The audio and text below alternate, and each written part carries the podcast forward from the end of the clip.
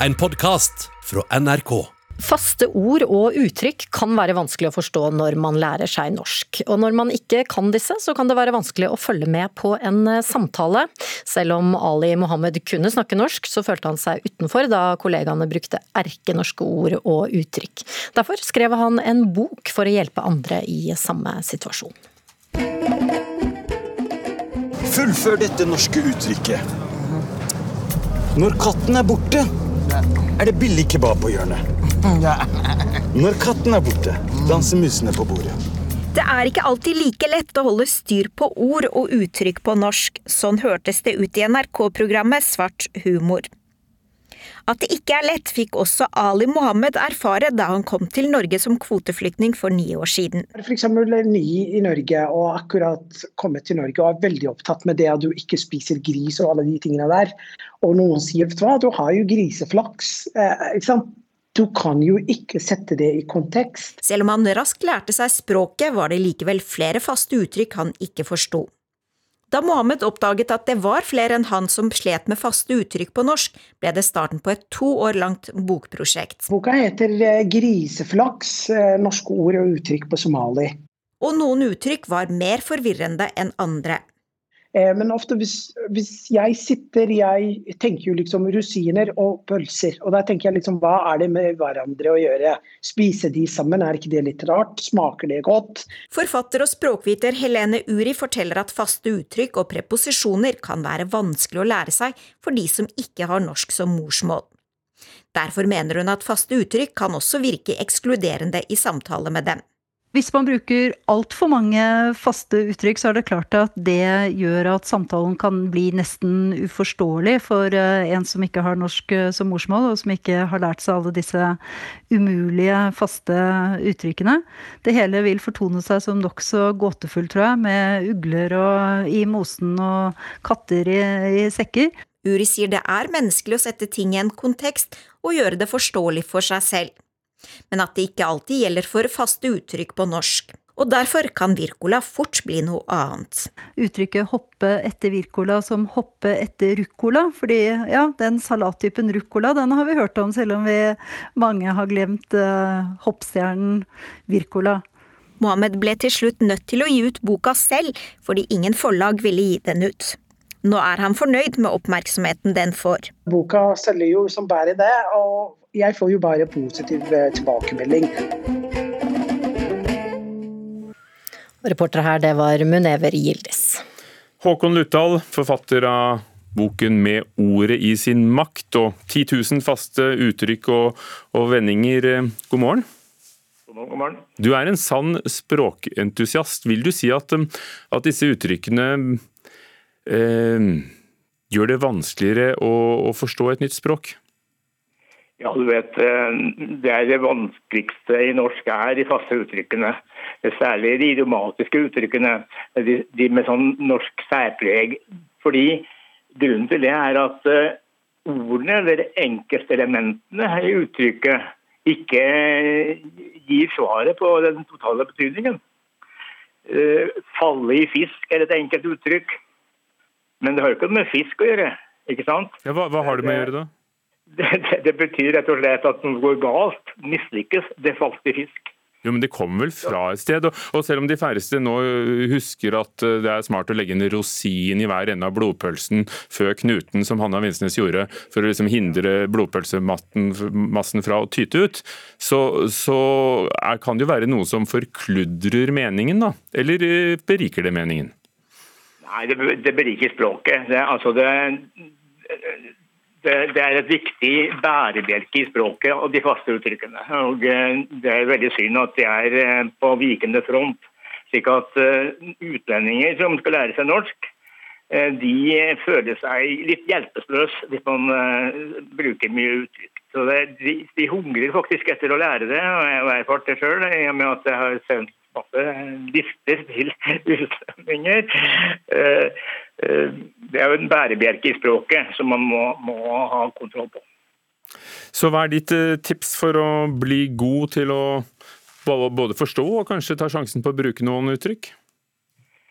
Ja, det er, man må altså lære, det er jo tre typer her. Liksom. Det er de idiomatiske uttrykkene, de faste uttrykkene.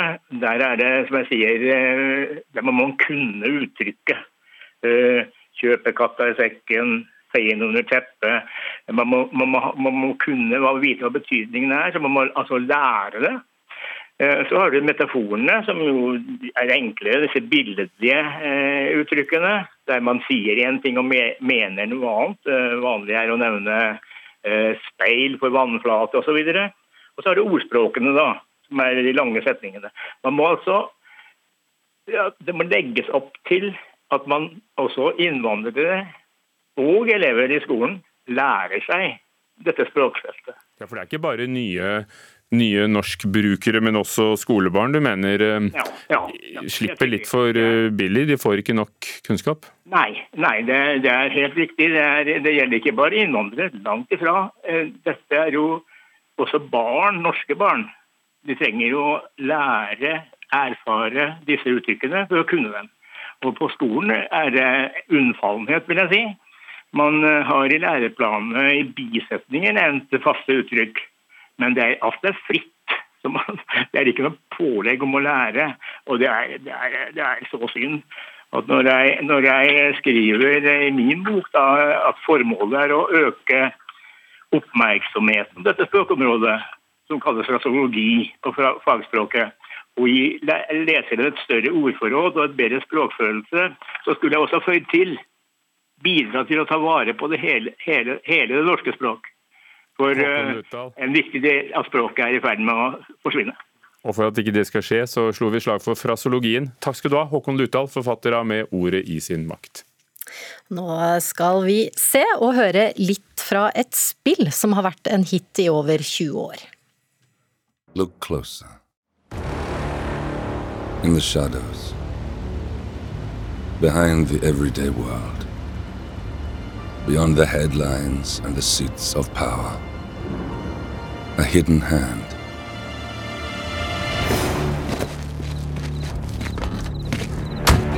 A kind of company known as Providence. En av spillmediets mest ikoniske rollefigurer, snikmorderen Agent 47, vender nå tilbake i et helt nytt Hitman-spill. Og selv om denne serien nå er over 20 år gammel, så mener du at den aldri har vært eh, bedre, spillkritiker Rune Fjell eh, Olsen. Hvorfor mener du det? Altså, det er ganske vanlig at disse store, populære seriene mister litt momentum eh, underveis. At utviklerne går litt tomme for ideer, og at de bare lager disse spillene for å tjene penger. Uh, men uh, nå har da ikke dette skjedd med Hitman-serien i de siste årene. Eh, den begynte å liksom dale litt, men de siste tre spillene har vært innmari gode. Dette er jo en revitalisering av hele konseptet, hvor de har da foredla alle disse ideene de har hatt i over 20 år. Det høres jo ganske mørkt ut da, å spille som en eh, snikmorder for oss som ikke har vært borti dette spillet. Hva går det ut på? Ja, det er litt interessant. IO eh, Interactive som har laget dette spillet, de har jo nå fått lisens til å lage et James Bond-spill. Et offisielt Bond-spill. Og dette eh, spillet og denne serien er jo ganske inspirert av det. Eh, da kan du se for deg disse skurkene, sjefsskurkene i James Bond-filmene. og Det er det som er målene dine her. da. Eh, og I likhet med Bond-filmene så blir det ganske sånn komisk noen ganger. Det er gjort med litt glimt i øyet. da. Og du blir også straffa for å drepe uskyldige og sånne ting. Så er masse humor her, masse kreativitet. Det handler mer om uh, utforsking og snakke med folk og ta forkledninger og den type ting, enn om å bare gå rundt og drepe. Og så er jo dette en, en, dansk serie som er i verdenstoppen. Ifølge nye tall fra Virke så var det 314 fast ansatte i norsk spillindustri som omsatte for 366 millioner kroner i 2018. Hvordan ser dette ut i Danmark? Ja, så I Danmark så er vel industrien sånn ca. tre ganger større enn eh, en eh, den norske. Men hvis du sammenligner oss med eh, Norge og Finland, så blir tallene ganske store. I Sverige så er det da i 2019 over 9000 ansatte som omsatte for over 41 milliarder svenske kroner. Den finske industrien er omtrent halvparten av den svenske. Så hvis vi sammenligner oss med nabolandene våre, så er vi ganske små. Men i sammenligning med Danmark er litt nærmere, i hvert fall. Og hvorfor er Norge så langt bak? Dette handler om mye flaks og, og, og, sånn selvfølgelig. Det skal litt til å treffe med spillkonsepter, men det handler også om veldig målretta satsing. Uh, I alle nabolandene våre så fikk de svære internasjonale suksesser uh, på slutten av 90-tallet, tidlig 2000-tall, som de har vært superflinke til å foredle uh, videre. Så Det er egentlig hovedgrunnen. Eh, når man har suksesser som Hitman og Battlefield og disse tingene som har slått an eh, i nabolandene våre, så vil det kunne eh, få ringvirkninger. Skoleverket kommer etter og tilbyr utdanning av spillutviklere. Investorer kommer på banen osv. Og, så og så bare ruller den ballen. Ja, hva kan de norske spillstudioene lære da av disse suksessene fra nabolandene våre? En ting som er litt spesielt og eh, fint da, synes jeg, med den norske industrien, er at uh, mange av disse små indieselskapene vi har i Norge, tar jo litt avstand fra på en måte hitman-filosofien. At man lager en suksess, og så bygger man bare videre på den suksessen i nye spill og nye spill. De tenker at de har lyst til å lage helt nye konsepter og hoppe liksom litt fra konsept til konsept. og Det er jo litt vakkert i det også. Uh, men Hitman-serien viser oss også at hvis man gjør det, da, hvis man tar et spill Eh, fortsetter å jobbe på det konseptet eh, i nye spill, så, så, kan man klare å beholde en sånn kreativitet og skaperglede og kunstnerisk frihet rundt konseptet. Da, eh, til tross for at man går litt sånn kommersielt til, verks. Så jeg tror jo det er et sånn godt utgangspunkt for, for, Norge, å ta litt utgangspunkt i hva sånne serier som Hitman har gjort, og se kanskje de også kan satse litt mer kommersielt. Så takk til deg, spillkritiker her i NRK, Rune Fjell Olsen, og hele anmeldelsen din eh, kan man lese på nrk.no. Du har hørt en podkast fra NRK. Hør flere podkaster og din NRK-kanal i appen NRK Radio.